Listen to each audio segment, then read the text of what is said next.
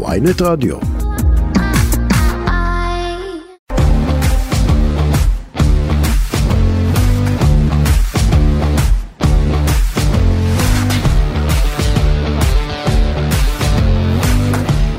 איתמר בן גביר נכנס לתפקיד השר לביטחון לאומי רק לפני חודש וחצי. היו שסברו שיש לתת לו הזדמנות להוכיח את עצמו. אלא שבזמן הזה הפגין בן גביר בעיקר שטחיות, חפיפניקיות והתמחות בספינים תקשורתיים. חודש וחצי זו תקופה ראשונה של חפיפה ולימוד, הזדמנות אולי ללמוד את שלושת הגופים החשובים שכפופים אליו. משטרת ישראל, שירות בתי הסוהר וכבאות והצלה. גופים מורכבים שלא חפים מבעיות, מבעיות וזקוקים נואשות לרפורמה. במקרה של המשטרה בולטת היטב מצוקת כוח האדם וחוסר משמעותי של שוטרים וניידות ברחבי הארץ, כולל בירושלים, העיר הנפיצה ביותר, שבה קיים מחסור משמעותי וחמור של 400 שוטרים. בכל המדינה חסרים כיום 1,600 שוטרים, מצוקה שרק הולכת ומחריפה ופוגשת את המציאות שלא עוצרת לרגע. פיגועי ירי, דריסה, אלימות בכבישים ופשיעה, פליל, ופשיעה פלילית שהולכת וגואה. בן גביר היה חייב, היה חייב לטפל מיד בנושא המחסור בשוטרים. אז נכון, הוא הכריז שהוא יביא 45 מיליארד שקלים למשטרה, תקציב חסר תקדים, אלא שבינתיים הכסף לא יגיע עד שלא יעבור תקציב מדינה, ובכל מקרה, גורמים באוצר כבר הבהירו למשטרה שלא יבנו על העלאות שכר של בין 20 ל-40 אחוזים כמי שהתחייב, כפי שהתחייב בן גביר. עוד דוגמה להתנהלות המזגזגת שלו ניתן למצוא בשבחים שחילק השר בן גביר למפכ"ל המשטרה בשבוע שעבר על מעצר חברי משפחת הפשע אבו לטיף. זה לא הפריע לשר להודיע יומיים רק, רק יומיים לאחר מכן, שהוא ממנה צוות של שלושה ניצבים בדימוס כדי, ואני מצטט, לסייע למפכ"ל שמתקשה להתמודד עם המחאות והפשיעה ברחובות כלשונו. גם הזימון של ניצב דורון תורג'מן, מפקד מחוז ירושלים, לשיחת נזיפה היה תמוה. אם השר סבור כי מפקד המחוז שגה בהתנהלותו, היה עליו לשוחח על כך עם המפכ"ל. בן גביר בחר לזמן את תורג'מן עצמו ובמקביל להודיע על כך לתקשורת ולייצר עוד כותרות. ביום שישי האחרון רשמנו שיא נוסף כשבן גביר הכריז בזירת הפיגוע בירושלים על פתיחתו של מבצע, שימו לב, חומת מגן 2 במזרח העיר כבר יום ראשון בתחילת השבוע. ההצהרה הזאת כמובן לא סוכמה עם מפכ"ל המשטרה, שר הביטחון וראש הממשלה.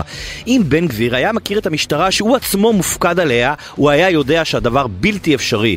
מחוז ירושלים איננו בנוי למבצע שכזה, בטח לא נוכח המחסור החמור בכוח אדם, ובהתראה של יומיים של המשטרה בפועל אין את המודיעין הנקודתי ואין את היכולות ואת האמצעים לבצע את המשימה הזאת. גם שב"ס לא רובה נחת מבן גביר. רבות אנחנו מדברים על התנאים המפליגים של האסירים בבת... הביטחוניים בבתי הכלא, אבל יש רק דרך אחת לבצע שינוי אמיתי, והיא באמצעות דיון בקבינט בדוח ועדת קעטבי, שמינה השר לשעבר גלעד ארדן והגישה המלצות בנושא. אלא שבמקום דיון מעמיק, בן גביר מטריל את שב"ס עם דרישות פופוליסטיות. אחת מהן היא הדרישה לסגור את המאפיות בבתי הכלא.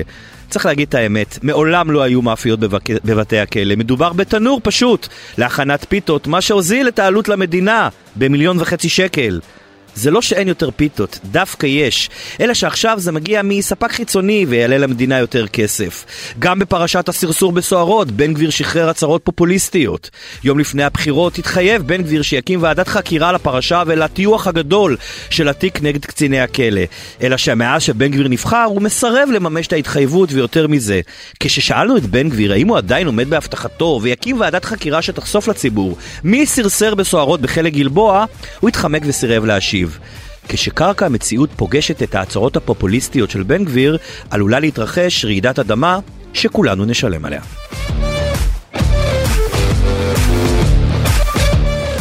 ואם ברעידות אדמה עסקינן, אה, הימים האחרונים, אה, שבועות האחרונים, שבועות אה, קשים ומורכבים בחברה הישראלית, עם דיבורים על מרי אזרחי, מלחמת אחים, דיבורים שלא בטוח ששמענו בעבר, לפחות לא, לא בטוח בכאלה עוצמות, ואנחנו רוצים לדבר על המצב הנפיץ בשטח ולנסות להבין האם אנחנו רגע לפני רצח פוליטי נוסף במדינת ישראל, ועל כך אנחנו רוצים לדבר עם ראש השב"כ לשעבר. אלוף במילואים עמי אילון. שלום לך. שלום וברכה. ראית אתמול את ההפגנה? גם היית בהפגנה, ראיתי אותך שם אתמול. אה, בכל האנרגיות של האנשים, האזרחים הנפלאים שהגיעו אתמול אה, להפגין אה, ולמחות, אתה הצלחת לזהות את מה שמבעבע מתחת לפני השטח? תראה, מה שמבעבע מתחת לפני השטח זה, זה מציאות שבעיני אלה שהיו שם, והיו שם כמות אנשים שאני, והייתי בהרבה הפגנות, מעולם לא ראיתי, אה, זה איזושהי תחושה אה, של כעס אה, מול מה שאנחנו מגדירים כהפיכה הפיכה שלטונית. בדרך שהיא בדרך למחיקה של כמה ערכים מאוד מאוד יסודיים בדמוקרטיה. וזהו, כשאנחנו, הציבור, ציבור, אגב, כל, כל אדם, כל קבוצה, כל חברה, אה, כשהיא פוגשת מציאות ש, שבעיניה אה, זה בעצם קריסה של כל מה שחשוב לנו, יקר לנו, אה, במקרה הישראלי דרך אגב, אני חושב שרוב, לא עשיתי סקר, אבל להערכתי mm-hmm. רוב האנשים שהיו שם הם לא רק משלמים מיסים, הם גם היו בצבא, חלקם נפצעו, חלקם איבדו חברים. זאת אומרת, בראייתם אנחנו נלחמנו, הקרבנו, אה, ועשינו את כל מה שניתן על מנת לקיים את הדברים האלה. השאלה אם זה נותן, כן, השאלה אם זה נותן... כשאתה פוגש מציאות כן. שבה אה, זה מה שנראה לך ואין לך את הכלים על מנת להתמודד עם זה, אז זה יוצר כעס, אה, כן. שלדעתי זה מה שראינו אתמול. השאלה אם הכעס הזה נותן את הלגיטימציה אה, לאנשים כמו נאמר אה, רון חולדאי שאמר, אה, קרא ל... אה, שפיכות דמים, הוא אמר, רק שפיכות דמים אה, תשנה פה את המצב, או לצורך לא, העניין הוא אמר, שפיכות דמים אה, היא זו שיכולה להוציא מדיקטטורה חזרה לדמוקרטיה? לא, לא, לא, לא, לא. אני, סליחה, אני, אה, אתה פשוט מעוות אה, את מה שאמר רון, ולפחות מה שאני קראתי כציטוט. אני לא קראתי, אני שמעתי אתמול בטלוויזיה, הוא אמר שכשדמוקרטיה, אני אדייק, כשדמוקרטיה הופכת אוקיי, לדיקטטורה, נכון. אז הדרך להחזיר דיקטטורה לדמוקרטיה היא אך ורק בשפיכות דמים, אין דרך נכון, אחרת. נכון. זה לא הסתה? אה, קודם כל לדעתי לא, אה, ואני אומר לך מדוע. קודם כל דברים חמורים מאוד, אבל בעצם ההבדל בין הסתה, קריאה לשימוש באלימות, לבין אזהרה שאם א', ב', ג' לא יקרו, אז הדרך היחידה לחזור. כן. אה, זה משהו, זה, זה ההבדל הוא, הוא, הוא לא גדול, אבל אה, אני לפחות, כפי שאני מכיר את רון, אוקיי. אה, הוא התכוון להזהיר מי, לא לקרוא ל. הוא לא קורא לפעול באלימות. השאלה, אין אנשים שיכולים להבין את זה כקריאה לאלימות? הוא מזהיר, הוא מזהיר שהמציאות, אם היא לא תשתנה, אם הכיוון לא ישתנה, זה עלול לגרום למצב שבו הדרך היחידה להחזיר את זה תהיה באלימות. אה, אתה שואל אותי האם זה לא עלול להגיע למצב שבו אנשים יפרשו את זה? תשמע, אה, קודם כל אני באמת מדור הפסיכולוגיה שייך לרעייתי, אה, אני בהחלט לא יכול לפסול את המצב הזה. אנחנו נמצאים במצב מאוד מאוד רגיש. תראה, אני בכלל... השאלה אם אנחנו במצב רגיש על סף רצח פוליטי נוסף במדינת ישראל? להערכתך? רצח, אני, אני, אה, קודם כל, אה, אני, אני לא יודע... או שפיכות לא דמים, יודע... אגב, לאו דווקא רצח של ראש ממשלה חלילה, כן, או של פוליטיקאי, אלא שפיכות דמים בין אה, אולי פעילים פוליטיים. אני מנסה לתת לך תשובה. אה, גם אני, דרך אגב, אה, בנאום אתמול התייחסתי mm-hmm. באופן די עשיר למצב הזה. ואמרתי, אנחנו לא ניקח נשק ואנחנו לא נפעל באלימות, וכל מה שנעשה יהיה רק במסגרת החוק. אבל. הוספתי, ואני חושב שזה בעצם הסכנה האמיתית. אנחנו מכירים את שלוחיך לצורך העניין, אנחנו מכירים את אותה, אותם אנשים שמגיעים לא על מנת להפגין, אלא על מנת לזרוק אבנים, על מנת לירוק, על מנת לפעול באלימות כנגד אלה שמפגינים. ונקודות החיכוך, אם אתה שואל אותי, mm-hmm. נקודות החיכוך הם המקום הראשון, ואני אומר את זה בזהירות רבה, להערכתי, זה המקום הראשון שבו תפרוץ האלימות. בין, בין אה, קבוצות המפגינים עצמם? ב- זה לא קבוצות מפגינים, או... זה אנשים שבאים להפגין, כן. זה אנשים שבאים על מנת לעשות בכל דרך. אגב, בדרך כלל באלימות, זה מתחיל ביריקות וקללות ואבנים, ולפעמים אפילו, איך אומרים, הם, הם מגיעים מראש. וראינו אותם במרכזי הערים וראינו אותם על הגשרים, הם מגיעים מראש עם מקלות. לכן שם תתחיל האלימות, ומזה אנחנו צריכים מאוד מאוד להיזהר, משום שכפי שאני ראיתי אה, את, ה, את הקהל, אה, אתמול, זה לא קהל שיפנה את הלחי השנייה. זה לא ציבור של אנשים שיברחו. הם כועסים, ולכן אתה שואל אותי, תראה, אנשים גם במרוקו וגם בישראל שרפו את עצמם. על מה הם שרפו את עצמם? הם שרפו את עצמם כשהם מגיעים למציאות שבה כל מה שחשוב להם נהרס ואין להם דרך לפעול. ולכן, אני לא, אתה, אתה מדבר על רצח פוליטי, אני חושב שהמצב שבו אלימות על רקע חיכוך בין אנשים שבאים להפגין באופן לגיטימי לבין אלימים שבאים לעצור אותם בכל דרך, זה המקום שבו, או אנשים שפשוט יגידו, חבר'ה, אין לנו מה לעשות, ואנחנו שורפים את עצמנו. לכן, אף אחד, אני לא יודע לומר לך איפה זה יקרה, אני חושב שזה הרבה יותר צפוי מאשר רצח פוליטי, אבל אני אומר עוד פעם, אני פשוט לא יודע. לפי הערכות שלך, כמי שמכיר היטב את השטח, יש סיכוי להרגעת הרוחות, או שאנחנו קודם כל נלך להתנגשות, ואולי רק אחר כך להרגעת הרוחות? אני, תשמע, קודם כל, כל מי שיגיד לך שהוא יודע, אז אני מציע לך הצעה ידידותית, תפסיק להקשיב לו. אני בטח לא יודע לאן זה הולך, ובגלל זה אני כל כך מודאג. ולכן אני חושב שכל מה שאנחנו צריכים לעשות זה פשוט לקרוא להרגעה. אבל אני אומר לך, מתוך תחושה אישית ומתוך אמונה, זה לא יירגע אם המהלך שאני קורא לו הפיכה משטרית, ואחרים קוראים לו, לא יודע מה, רפורמה משפטית, זה לא רפורמה משפטית. תחת הכיסוי, תחת מכבסת המילים של רפורמה משפטית, אנחנו משנים את המשטר במדינת ישראל. עכשיו תבין, שאמרנו את זה, משטר, מה זה משטר? משטר זה דבר פשוט, אבל משטר בראייה שלנו זה דבר שעליו נלחמנו ועליו איבדנו חברים. וזה כל הדגלים וכל הערכים שבשבילם יצאנו לאן שהיינו צריכים להגיע. ולכן אני מעריך שאם זה לא ייעצר, דו-שיח חייב להיות. משום שבלי דו-שיח כן. לא יקרה כלום, אבל אי כן. אפשר לנהל דו-שיח כשאקדח מופנה לרקה. ברור. בנושא אחר שהייתי רוצה לנסות כשאלה אחרונה לשאול אותך ואת דעתך, פרשת הסרסור, סרסור הסוהרות בחלק גלבוע, אני מכיר, מניח ששמעת ואתה מכיר את הפרטים של הפרשה הזאת. אני יש... מכיר דרך מה שפורסם בתקשורת את הכל, כן. כן, יש אה, חברי כנסת, ולא הרבה, אבל יש כמה חברי כנסת ואנשי קצינים משב"ס, שבאים וטוענים שהדבר הזה הוא בכלל אחריות של שירות הביטחון הכללי, שמדובר כאן, אני רגע, אני רק אשלים, שהם גורסים שמי שאולי קשור לכל הנושא הזה, זה, זה רכז שניים של השב"כ, לא השב"כ כארגון, כן? רכז שניים של השב"כ שאיבדו את השכל, ובכלא גלבוע, במקום אה, לטפל במחמוד עטאללה, הם פשוט אה, אפשרו לו, מה שנקרא, להזמין לעצמו סוהרות רק כדי לקבל אה, מידע מודיעיני מעטאללה. אתה עלול להיות דבר כזה להערכתך? אני, שמע, זה נראה לי הזוי, אני כבר אומר לך. אה, קודם כל אין לי מושג, אתה שאלת אותי האם אני מכיר את הפרשה, אז אני מכיר את הפרשה ממה שפורסם. Mm. וממה שפורסם אני בטח לא יכול להבין שזה מה שיכול לקרות. אה, אני לא מעלה על דעתי שבו אה, רכז שב"כ מניח mm.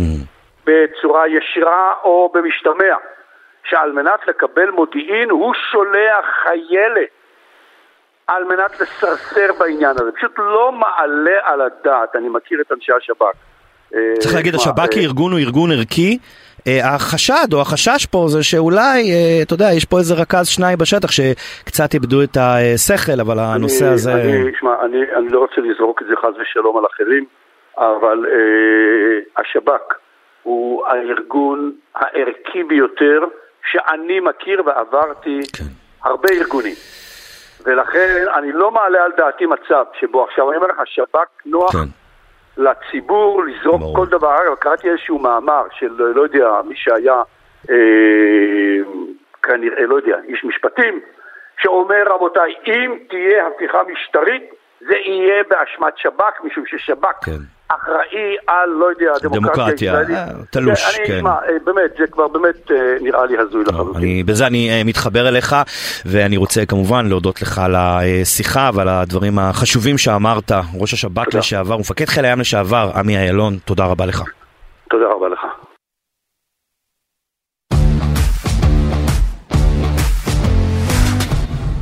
כן, אז אה, פתחנו את התוכנית שלנו בשיטת בן גביר, הבטחות אה, מצד אה, אחד, ורק אחר כך הוא בודק האם אפשר ליישם את זה בפועל. וכמו שאמרנו, אנחנו מקבלים כל הזמן דיווחים משירות בתי הסוהר על בקשות או דרישות חוזרות ונשנות שהשר לביטחון לאומי בן גביר מציב לשב"ס בנושא האסירים הביטחוניים. הבוקר התבשרנו על כך, או אתמול יותר נכון, התבשרנו על כך שהשר לביטחון לאומי איתמר בן גביר הורה לשב"ס להקציב ארבע, כארבע דקות מקלחת לכל אסיר ביטחוני כדי להילחם בבזבוז המים המכוון שהם מבזבזים בבתי הכלא ועל כך ובכלל על הנושא של האסירים הביטחוניים אנחנו רוצים לדבר עם תת גונדר בדימוס עורך הדין בני טייר, שלום לך. שלום רב. מפקד כלא מגידו לשעבר, אחד מבכירי שב"ס לשעבר. תגיד, כשאתה קראת על המאפיות בבתי הכלא, העלה בך איזשהו חיוך כמי שמכיר אה, ויודע שלא באמת מדובר במאפיות? אה, כן, בהחלט. אני אה, מכיר היטב את העבודה מול שירות בתי הסוהר, מול האסירים הביטחוניים. אנחנו יודעים שכל שר מגיע עם האג'נדות שלו ועם הרצונות שלו, ובפועל, בסוף, במבחן התוצאה, הסוהרים בשטח צריכים להתמודד עם אה, אגפים אה, טעונים mm. אה, מאוד, עם מחבלים בסופו של דבר. זו מציאות שהציבור לא מכיר אותה. הוא מסתכל על זה בעיניים, בזווית של איזה קייטנה הם נמצאים. בסוף, אחרי שאסיר נשפט לתקופה ארוכה, צריך לזכור שמישהו צריך לטפל בו. מישהו צריך לשהות איתו mm-hmm. יום-יום, שעה-שעה. וכמובן גם לייצר שקט בתוך בתי הסוהר. כי אף אחד לא כן. יפתח גם לשירות בתי הסוהר אם כל היום האסירים האלה יגעשו ויהיו עניינים איתם. נזכור את זה גם. כן, אני חייב לשאול אותך, אתה יודע, אני צפיתי בסדרה מגידו, גם אתה אגב אה, מופיע שם, אה, סדרה שהופקה ל-yes, אה, דוקו, לפני כמה שנים טובות, צולמה בכלא מגידו, אתה באותה תקופה, אם אני לא טועה, פיקדת על הכלא, נכון? היית מפקד הכלא נכון, נכון. באותה תקופה. ואולי אחד הדברים הבולטים ביותר שם, ואני לא נכנס לסיבות, אני לא מדבר רגע על הסיבות ועל ההקשר של הדרג המדיני לדבר הזה ושל השב"כ ושל אחרים, אלא אני מדבר רק, רק על שנייה ברמה של השב"ס, או ברמה של ההתנהלות אה, של האסירים הביטחוניים יותר נכון. זה נראה ש... אני לא רוצה להגיד שהם מנהלים את הכלא, אבל שיש להם חלק משמעותי מאוד בניהול היום-יום שלהם, ובוא נאמר, המעמד שיש להם, או האפשרות שיש להם לבוא בדין ודברים מול אה, סגל שב"ס, לא דומה בכלל למעמד שיש לאסירים פליליים? אה, קודם כל, אה, עובדתית, אה, עובדתית זה לא נכון ולא מדויק. אני פיקדתי גם על כלא פלילי וגם על כלא ביטחוני, אז יש לי גם את היכולת לעשות את ההפרדה ולהבחין בין הדברים. אסיר פלילי מקבל חינוך, מקבל תעסוקה, הוא יוצא לעבוד במפעלים. כן, בסדר, כי אסיר פלילי אנחנו אמורים לשקם, אסיר ביטחוני אנחנו לא בדיוק נכון, אמורים לשקם. יש הבדל. אתה יכול לדאוג לו לסדר יום מלא ומובנה, שזה הסיפור בעצם. אתה יודע, בשירות בתי הסוהר יש הגדרה כזאת, שאומרת שאסיר שעסוק הוא לא מעסיק. ועם האסירים הפליליים אתה בהחלט מצליח להגיע לרזולוציה כזאת. אסירים ביטחוניים אתה צריך להבין שתמונת המצב היא שונה. יש עשרה אסירים בתא, או שיש אה, קבוצה גדולה, אין להם מה לעשות כל היום. הם כל היום, אתה צריך לבנות להם איזה מין אה, סדר יום שהוא מאוד קשה לביצוע. זה אנשים צעירים בחלק גדול מהמקרים, ובסופו של דבר אנחנו תקועים איתם, שב"ס תקוע איתם. הוא mm-hmm. צריך לייצר יכולת אה, לשהות איתם בשלום, וזו חוכמה מאוד קטנה לקבל החלטות פוליטיות שהן לא מעשיות, ובסופו של דבר להשאיר, לראובן או ליוסי אה, הסוער להתמודד עם אסירים תוססים כל היום. זה לא, לא כזה דבר נכון. מצד שני, יש דברים שבאמת מעצבנים, מעצבנים גם אותי כאזרח. אז השאלה מה אפשר לעשות כרגע, אה, עורך הדין טייר, מה כרגע אפשר לעשות בשביל, אני לא רוצה, אתה יודע מה, אני חושב שהטרמינולוגיה היא לא נכונה, אנחנו כל הזמן משתמשים פה בישראל בטרמינולוגיה של לדרדר את תנאי המחבלים. לא, זה לא לדרדר את תנאי המחבלים, אלא להעניק למחבלים את התנאים ההולמים לאסירים ביטחוניים. ובוודאי שזה לא כנאפה, ובוודאי שזה לא מתקני פינג פונג, ובוודאי שזה לא הרבה מאוד דברים שהם כן מקבלים היום. אף אחד לא מדבר על לדרדר, אלא בעצם לתת לתת להם את מה שהולם ומגיע לאסיר בבית סוהר, לא? קודם כל, כל החלטה ששירות בתי הסוהר יקבל, הוא יכול לייצר. הסיפור הזה של אה, הציוד שלהם וכל הקנטינות והאוכל, זה תוצאה של שנים של אה, מה של ממשלות ישראל. הסלאמה, של ממשלות ישראל בשיטת הסלאמה. כל פעם הם הוסיפו וקיבלו עוד פריט ועוד פריט ועוד פריט. Mm-hmm. אם תתקבל החלטה, שב"ס ידע להתמודד איתה. שב"ס זה ארגון מאוד מקצועי. הוא ידע להתמודד עם כל החלטה כזאת. שב"ס ידע להתמודד, אבל מפחידים אותנו כל הזמן שאם אנחנו נשנה או ניגע בתנאים של האסירים הביטחוניים בכלא, כל הפרשנים אומרים, אה, ובכירים במערכת הביטחון אומרים שהאסירים הביטחוניים זה הבטן הרכה של הרחוב הפלסטיני, ואם יהיה פה באמת שינוי מהותי בתנאי האסירים הביטחוניים, אנחנו נראה פה את, כל הגדה נדלקת. אתה מתחבר לזה? זה או שזה סתם הפחדות?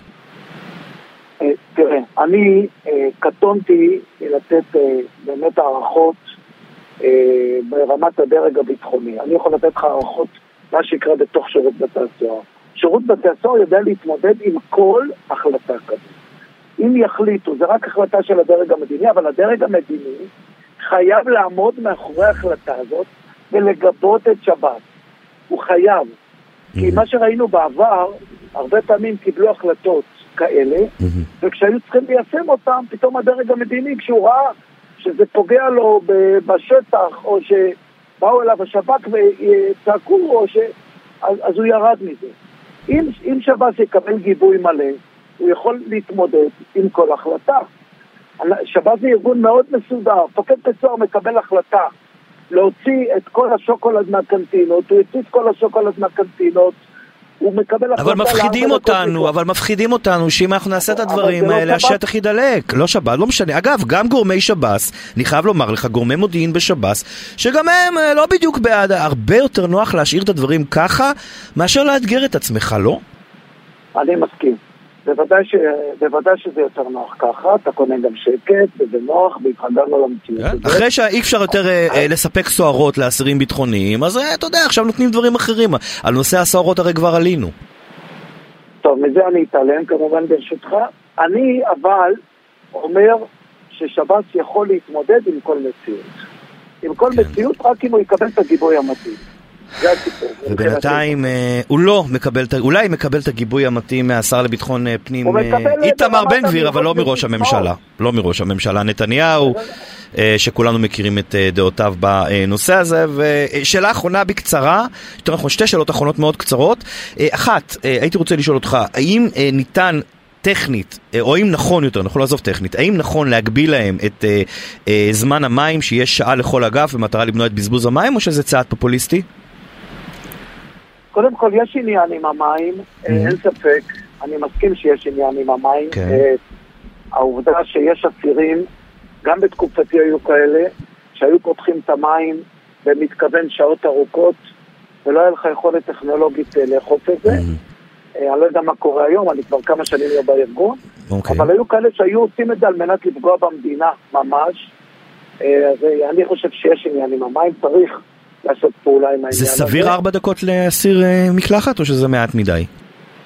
תשמע, אני בצבא הסתדרתי עם הזמן הזה, אני מתאר לעצמי שגם כן. הצעירים הסתדרו. אני הייתי בצבא לוחם והסתדרתי עם פרק זמן כזה. כן, דבר אחרון, וגם בקצרה מאוד הייתי רוצה לשאול אותך, אה, אתה מכיר היטב את, אה, כולנו מכירים את מחדל הבריחה מכלא גלבוע ואת ועדת הבדיקה הממשלתית שהוקמה בעקבות הדבר הזה. הדוח שלה היה אמור להתפרסם עד אה, מחר, אבל אנחנו מתבשרים שיש עיכוב, והוועדה פנתה לשר, למשרד לביטחון הפנים, וביקשה דחייה של חודשיים נוספים. עד שהיא תפרסם את הדוח הזה. זה לא נראה לך יותר מדי זמן בשביל אה, ועדה שבוחנת אה, דבר נורא נקודתי? אה, תשמע, אין לי את הכלים באמת לדעת ולענות על שאלה מהסוג הזה. אני מניח, אני מניח שהסיפור כבר מתערבב גם, גם בהיבטים הפוליטיים. יש פה ערבוב, אני כן. מניח, גם פוליטי. אבל מעבר לזה אין לי מה להגיד. עורך הדין אה, בני טאייר, אה, מפקד כלא מגידו לשעבר ומבכירי שב"ס לשעבר, תודה רבה על השיחה הזאת. יום טוב. יום טוב.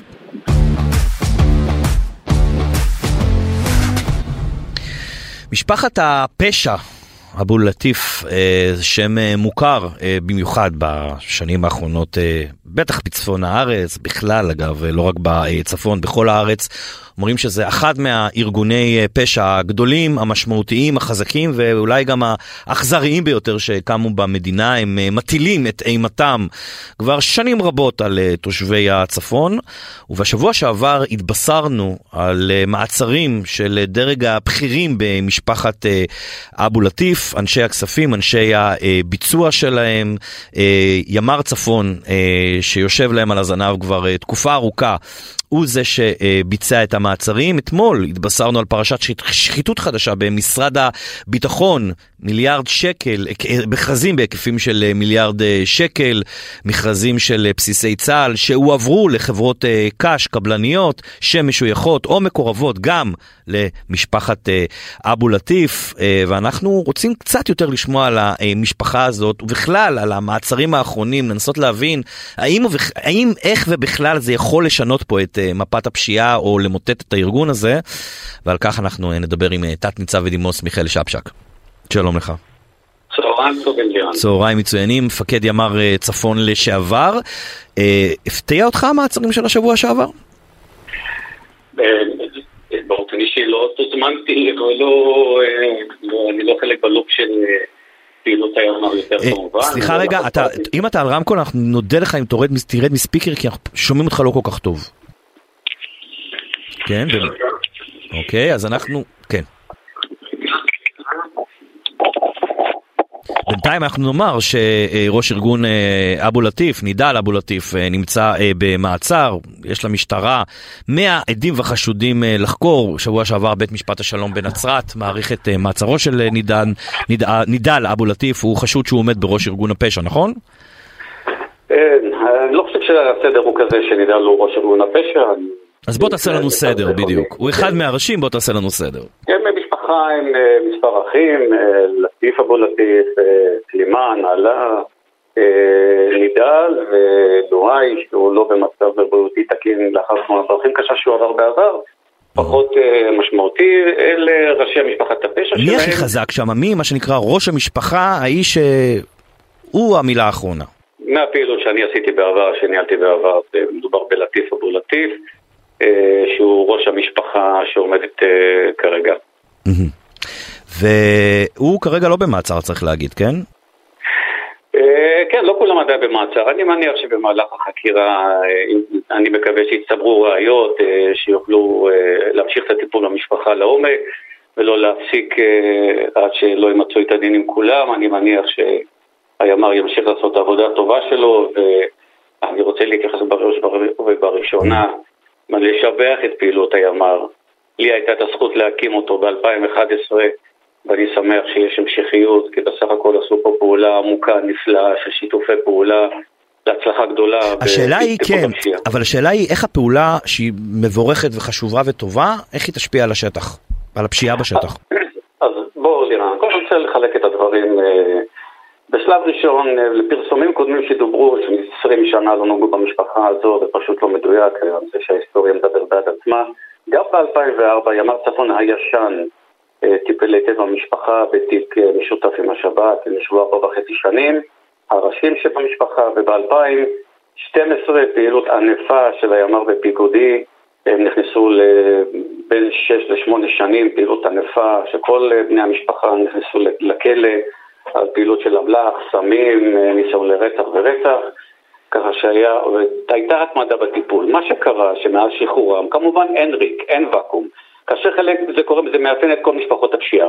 וכל כל כנופיה למעשה, כאשר מתנתקת מהשטח, היא או שמטריחה להשאיר אחיזה בשטח באמצעות חיילים מסורים ונאמנים וחלק מבני המשפחה שנשארים, או שנכנסת כנופיה אחרת לוואקום הזה, ואז פורצות המלחמות כנופיות, כמו שקורה לא מעט פעמים.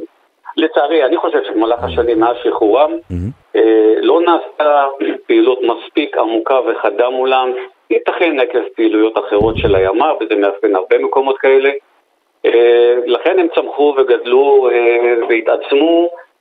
זה רק מוכיח שלמעשה לא היה מספיק עקב אחריהם ולעשות את הפעולות היותר כן, השאל, השאלה היא, רגע, השאל, הם כל כך התעצמו שהם הרשו לעצמם, אחרי המעצרים האלה של פרשת המיליארד השחור, הם הרשו לעצמם, החבר'ה של אבו לטיף, לשלוח את החבר'ה שלהם, מה שנקרא, לאחד מהיישובים בצפון, אני לא זוכר לתפוס את המילה, לא זוכר איזה, חצור הגלילית, נכון, ולירות שם לגבי רכבים, או לפגוע ברכבים של אזרחים, ולהשאיר להם אפילו פתק על החלון. זה אנחנו, אבו לטיף, עשינו את זה כסוג של אה, נקמה.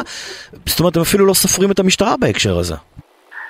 אה, לצערי זה משהו שמתחבר גם משיחה קודמת שלנו, הרפיון שיש בשטח באחיזה של יחידות המשטרה, היא מלווה אותנו בשנים האחרונות כתוצאה מהתנהלות מאוד מאוד לא נכונה של מפקדים, אה, בנייה לא נכונה של יחידות, אה, עומסים לא רגילים על יחידות המשטרה הקיימות, ובעיקר בעיקר לדעתי זה נובע מריבוי של מפקדים שאין להם שום הבנה או מספיק הבנה בתחום הטיפול בפשיעה שמוצנחים לכל מיני יחידות, ואין עקביות בטיפול.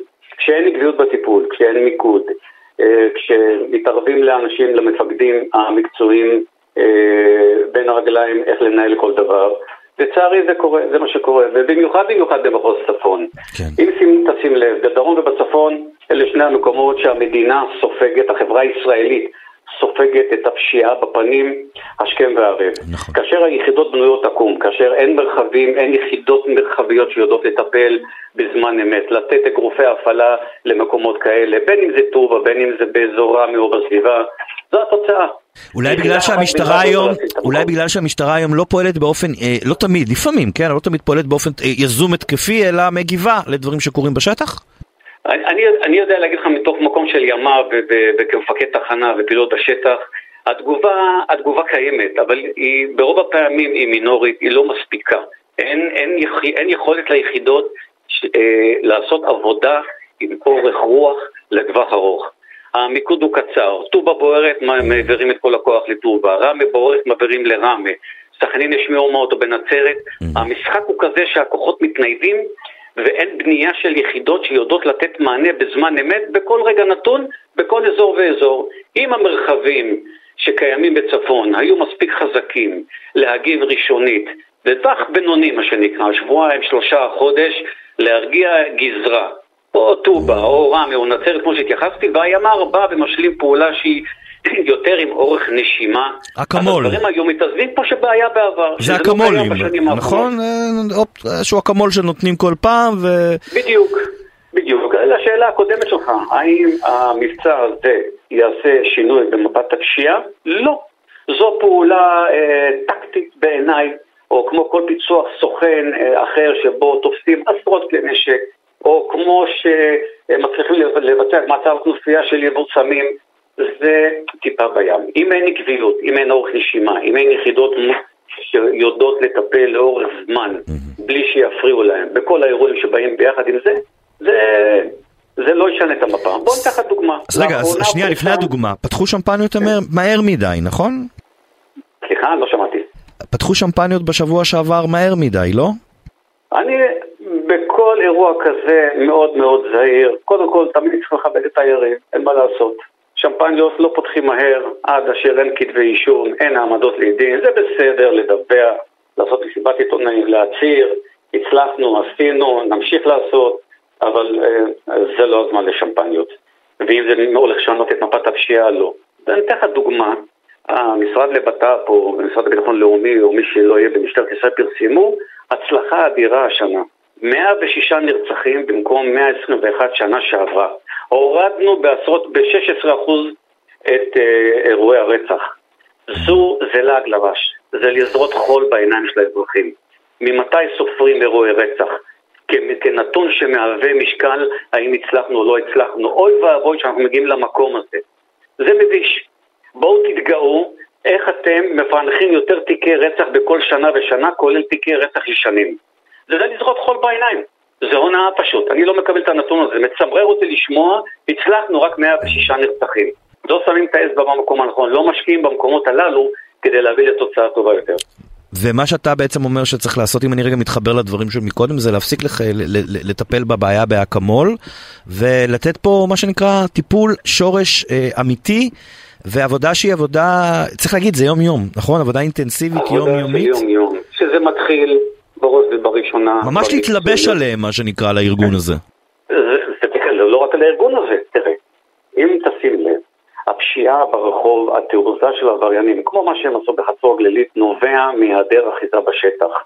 זה מתקשר לזה שאחת התחנות עצמם, לא, אם אין כוח אופרטיבי שיודע לתת את המענה בזמן אמת לדברים האלה, אין יחידות מרחביות עם עוצמות, כמו שפעם היו ימ"רים מרחביים, וימ"ר מחוזי שמשלים פעולה לאורך.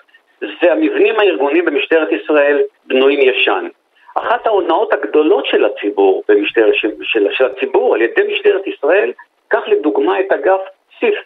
אגף סיף, כן, שאמיר אוחנה הקים אותו.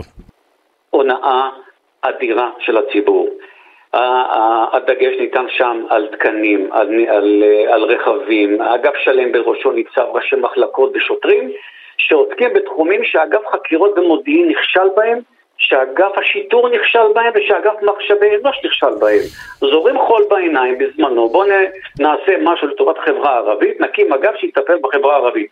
אני שואל אותך שאלה לרן, מחר תקום צעקה גדולה במגזר החרדי. מה, נקים מנהלת ואגף חרדים? מחר תקום צעקה בחברה האתיופית או, ב, או בחברה, בחברה הרוסית. מה, נקים אגפים לכל, לכל מגזר? זה לא עובד ככה. ברגע שהאגפים של משטרת ישראל, שכישלונם בידם על ניהול כושל של המערכים, הולכים לפתרונות של תקנים. בוא תראה עכשיו, עכשיו הגיע שר חדש, רוצה להקים משמר לאומי, סוג של uh, משטרה פרטית. מה יהיה, רגע, המשמר הלאומי הזה זה כבר נהיה בדיחה, אני שומע על זה כל כך הרבה זמן, תגיד לי, כמה זמן לוקח להקים את זה? אני, אני טוען משהו אחר, לא צריך להקים את זה בכלל. אינני יודע מי אלה הניצבים שנותנים לו את הייעוץ אה, לשר, אבל הבדיחה הזאת של לקחת גוף. עכשיו, מאיפה יקימו המשמר הלאומי? יקחו אותם מהשוטרים הקיימים בסד"כ, יקראו להם משמר לאומי, וזה יהיה מין זרוע שליטה שתבוא ותטפל בכל מיני מקומות על פי הצורך. שיטת החפלאפ הישראלית. זה שיטת חפלאפ.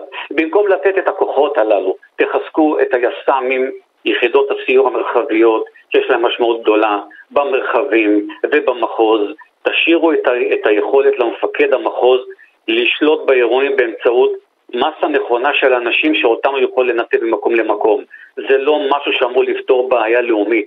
הבעיה הלאומית מתחלקת בעיקר במחוזות צפון, חוף ודרום. אלה המקומות. שם איבדנו את האחיזה כתוצאה מניהול כושל של מפקדים. זה מתחיל במדיניות משטרת ישראל, איראן. כאשר המפכ"ל בא ממקום של כוח. הוא איש משמר הגבול, אה, איש מקסים, איש מקצועי, איש טוב, אבל כל התפיסה הולכת כוח. כשהתפיסה הולכת כוח, אתה ממלא את משטרת ישראל בקציני מג"ב שחושבים כוח ועושים את הטעויות. דרך אגב, ו- ואני מקווה שאף מפקד במג"ב שמכהן כיום אה, לא ייקח את הדברים שלי למקום שלילי, יש לי חברים טובים שם, אנשים נפלאים ואני מאוד מעריך את היכולות שלהם. כן. לדעת משטרה הם פחות ופחות יודעים. שאתה לא מאזן נכון את המפקדים, שאתה מביא מפקדים כן. שלא עם מודעות שירות. מהות המש... תפקידה של משטרת ישראל זה לתת שירות וביטחון למדינה, כן. לאזרחיה. כאשר אתה פועל כל הזמן במקום של כוח, מג"ב, מג"ב, מג"ב, אתה מאבד את העניין. מה קרה? שהמדינה השתנתה התפיסה. מה זה מג"ב? מג"ב הוא כוח שלנו בא לתת עזר לכוחות הכחולים שנותנים שירות לאזרח. הם אמורים להיות, לתת שירות בעוטף ירושלים, במחוז ירושלים, במקומות של הפרות סדר, במקומות של כן. אירועים חבלניים, של אירועי מחבלים, עוטף ירושלים, בגבולות, הם לא צריכים לתת עבודה בתחומי שיטור הפנים. זה יש את היס"מים, יש את השוטרים, וזה בעיה אחרת. אולי זה הדבר הכי קל, ל... כן, אבל אולי זה הדבר הכי קל למפכ"ל, שבא עד לא מזמן, היה בעצמו מג"בניק, מפקד מג"ב, אה, ואולי זה הדבר הכי קל.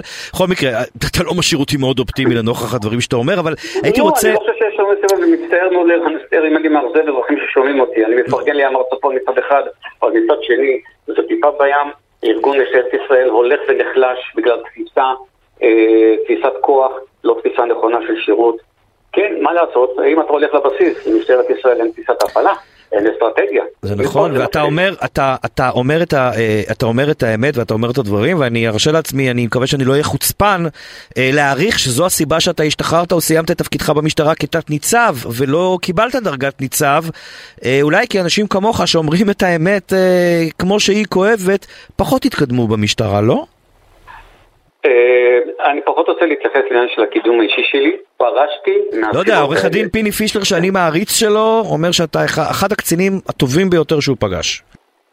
לא ידעתי, לא שמעתי, אני מודה לפיני פישלר. אה, זה בדיוק המקום שהבאתי אותו ממקום שהעזתי להביא אותו לדבר עם חניכי פום שלי, למרות דעותיו הקיצוניות, והוא שינה את דעתו ברגע שהוא בא אליי, כי צריך לפתוח את הדלת לכולם. כן. אני פרשתי בהחלט לירן מהסיבה שראיתי שאין לי אופק. ראיתי שהמקום הולך של מינויים לא על בסיס מקצועי ומה שאתה כן. מביא. דרך אגב, צור. אני גם חייב להגיד לך למען האמת, כן. אני לא הייתי אומר את הדברים ולא הייתי מרשה לעצמי לעלות לרדיו, לשידור או לכל כתבה, אלמלא הייתי מספיק אמיץ לשים את הדברים הללו בפני המפכ"ל. אני לפני שחרורי, גם אצל מוטי כהן ממלא המקום וגם אצל המפכ"ל הנוכחי יעקב שבתאי, הנחתי בפניו כתוצאה של שנים של עשייה ולימוד שני מסמכים. אחד, איך מתקנים את התרבות הארגונית של ארגון ללא תרבות, משטרת ישראל. נתתי לו כלים ביד במסמך קצר, שבעה עמודים. מה הבעיה? מה המחלה שלנו? מה אני ממליץ לו לעשות? ומצד שני, בתפקיד האחרון גם שימשתי כראש פרויקט תחום אה, טיפול בפשיעה בחברה הערבית, חרשתי את הארץ מקצה לקצה. הנחתי לו מסמך של שני עמודים, תקציר מנהלים. כן. חמש-שש נקודות שבו אנחנו עושים מהפכה אה, בטיפול באמל"ח במדינת ישראל. Mm-hmm. אה, חוץ מתודה רבה, שום דבר, לא נעשה כלום. הייתי מספיק אמיץ לשים את הדברים, וגם שילמתי על זה מחיר כנראה. כי אני לא מאנשי שלמה. בהחלט, אולי כדאי שהשר אה, לביטחון לאומי, איתמר אה, בן גביר, ידע שיש עוד קצינים לשעבר במשטרה שיכולים לתרום, חוץ משלומי קעטבי, יורם הלוי ואורי בר-לב, שלושת הקצינים בדימוס שאיתם הוא מתייעץ. אני יכול, אתה יודע מה, אולי אפילו ממש להקליט איתך תוכנית שלמה מרוב הידע שלך והדברים שאתה מביא. דברים אה, מדאיגים שיש בהם אה, הרבה מאוד אמת. אה, תת-ניצב בדימוס מיכאל שפשק, אנחנו בטוח עוד נדבר בתוכנית הזאת, מפקד ימ"ר צפון לשעבר, צפון וחוף לשעבר. אני רוצה להודות לך על הדברים החשובים שאמרת. תודה רבה. תודה לך, כל טוב ליום.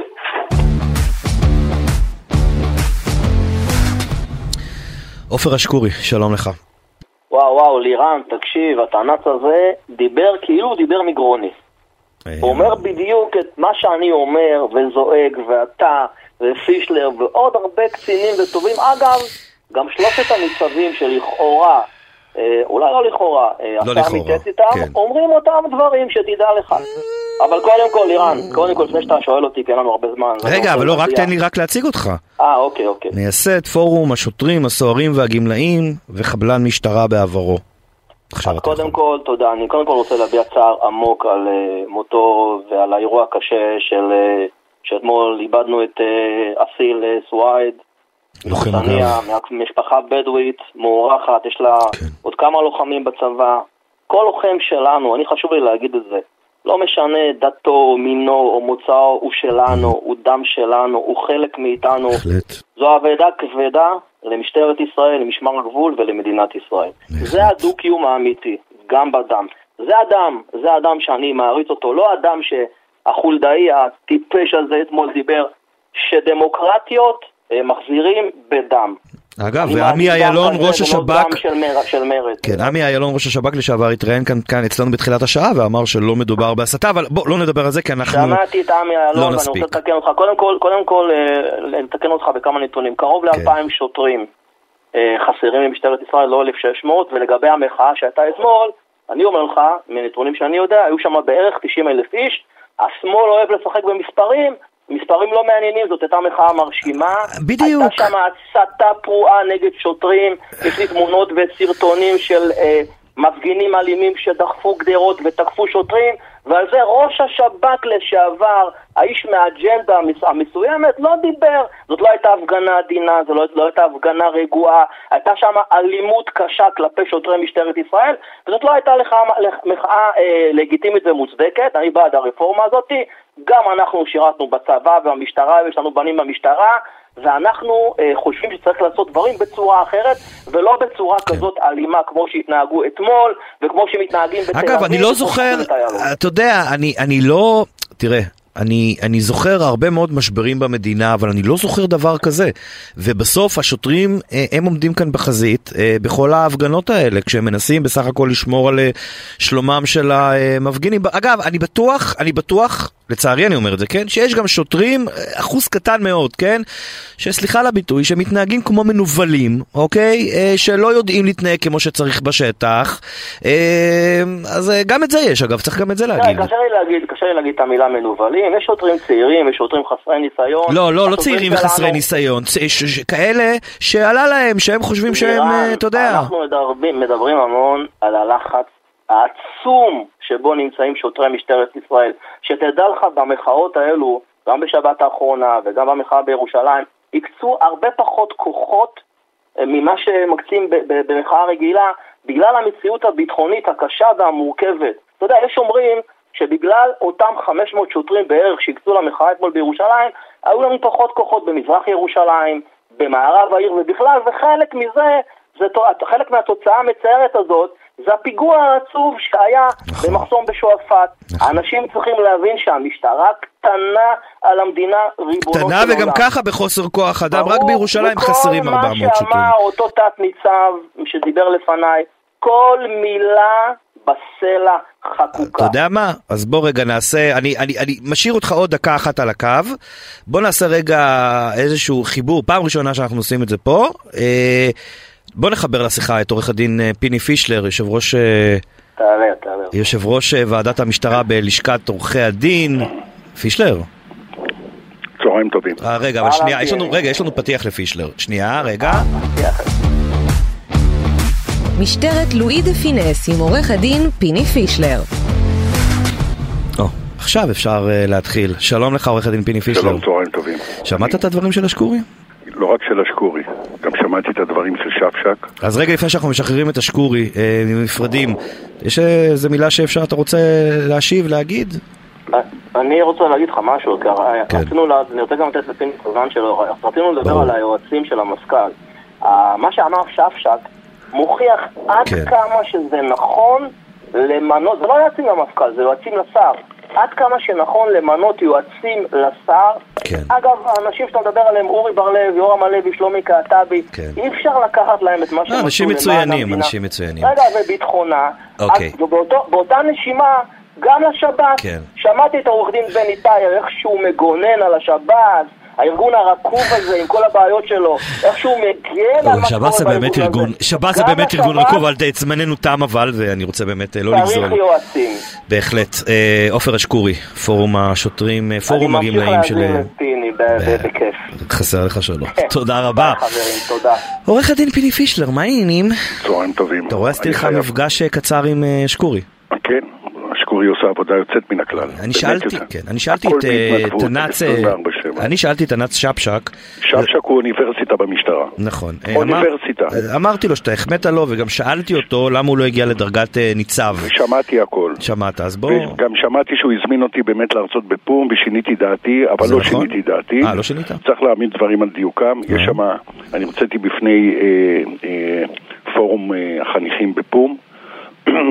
באמת, אתה יודע, הקצונה אה, של אה, אלו שהיום כבר מפקדי תחנות, אולי כבר מעבר לזה, באמת הקשיבו קשב רב, הייתה ביקורת קשה מאוד שלי, היום שפשק עוד היה עדין. אני שמח, אני שמח ששפשק מבין, מבין כמה הביקורת חשובה. אני עצוב שמשטרת ישראל לא הקשיבה לשפשק, לא מקשיבה לשפשק. האיש הזה עתיר ידע, ניסיון כביר.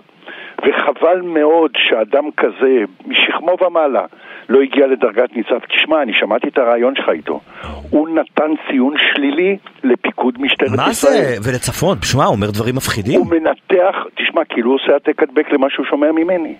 ואני אומר לך שהוא צודק במאה אחוז בכ- בכל הניתוח. דיברתם על אגף שלם שנקרא סעיף שצריך לפרק. חבל שלא שאלת אותו על יש שם 443. ניצב, אגב, בראש האגף עומד ניצב, ויש תת ניצב, שהוא סגן ראש אגף זה, הכל תקנים יודע. וקומבינות, ו...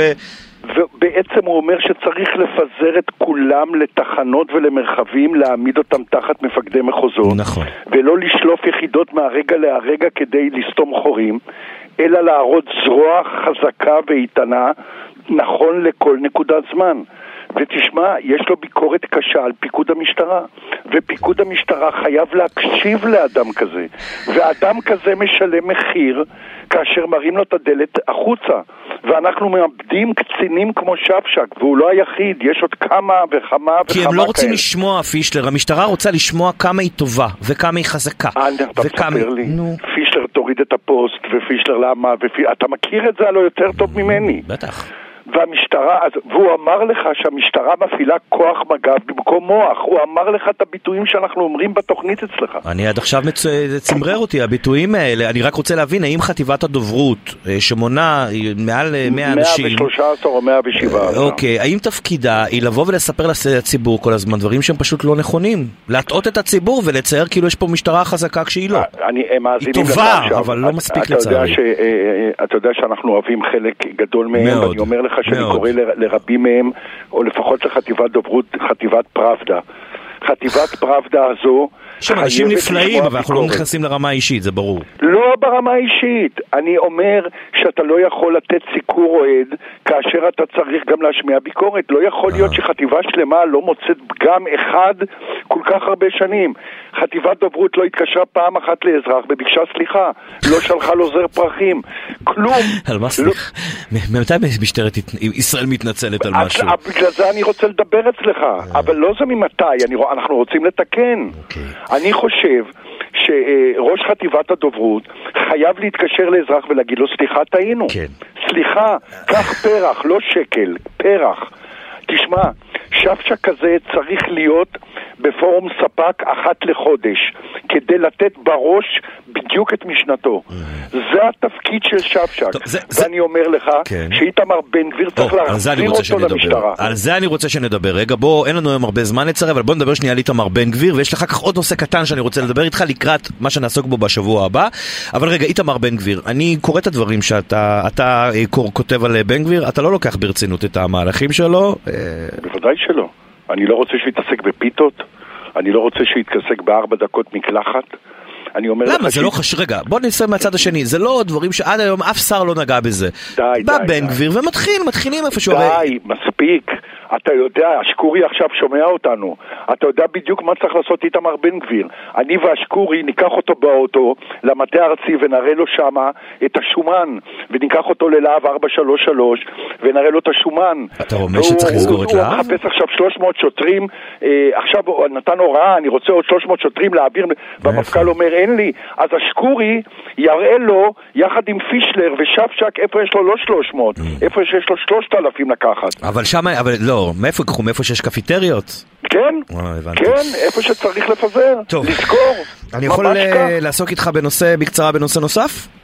תמיד. יופי. אני רוצה להקריא לך, אה, היה מקרה לפני שנה וחצי, שנתיים, של אה, עובד סוציאלי בשירות אה, בתי אה, הסוהר, שניצל, מה שנקרא, באופן ציני ואכזרי את התפקיד שלו ואת האמון שנתנו בו, והוא התקין בשירותי הסגל מצלמה. כן.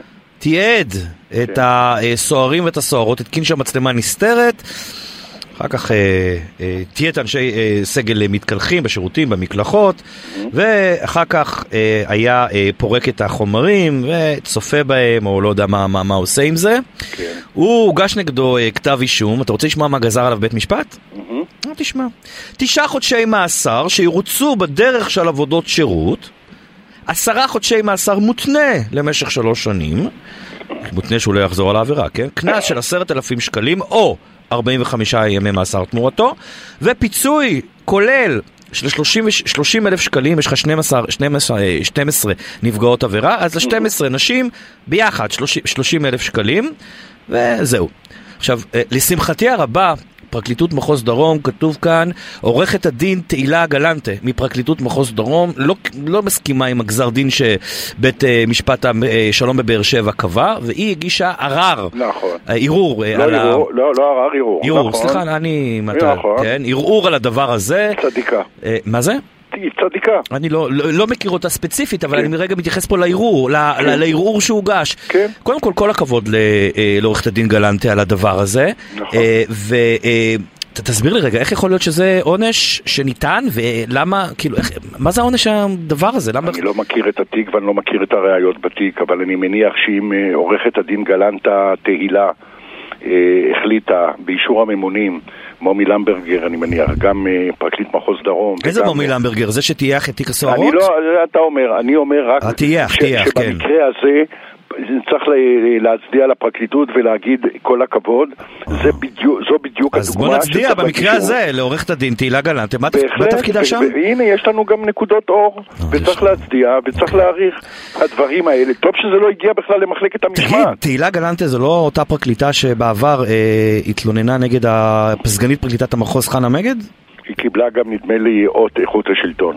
אם אתה. בוחן לי את הזיכרון, אז הנה קיבלת אה, את טוב, התשובה. הנה אנחנו גם מסיימים את התוכנית ויש לי זמן קצת אה, ללכת לעשות גוגל וללמוד. עורך הדין פיני פישלר, אנחנו אה, ניפגש כאן בשבוע הבא. תודה. לך ותודה רבה לכם המאזינים. ערך את התוכנית דביר חזן, טכנאי השידור היה חגי בן עמי, אני לירן לוי, אנחנו ניפגש כאן גם בשבוע הבא.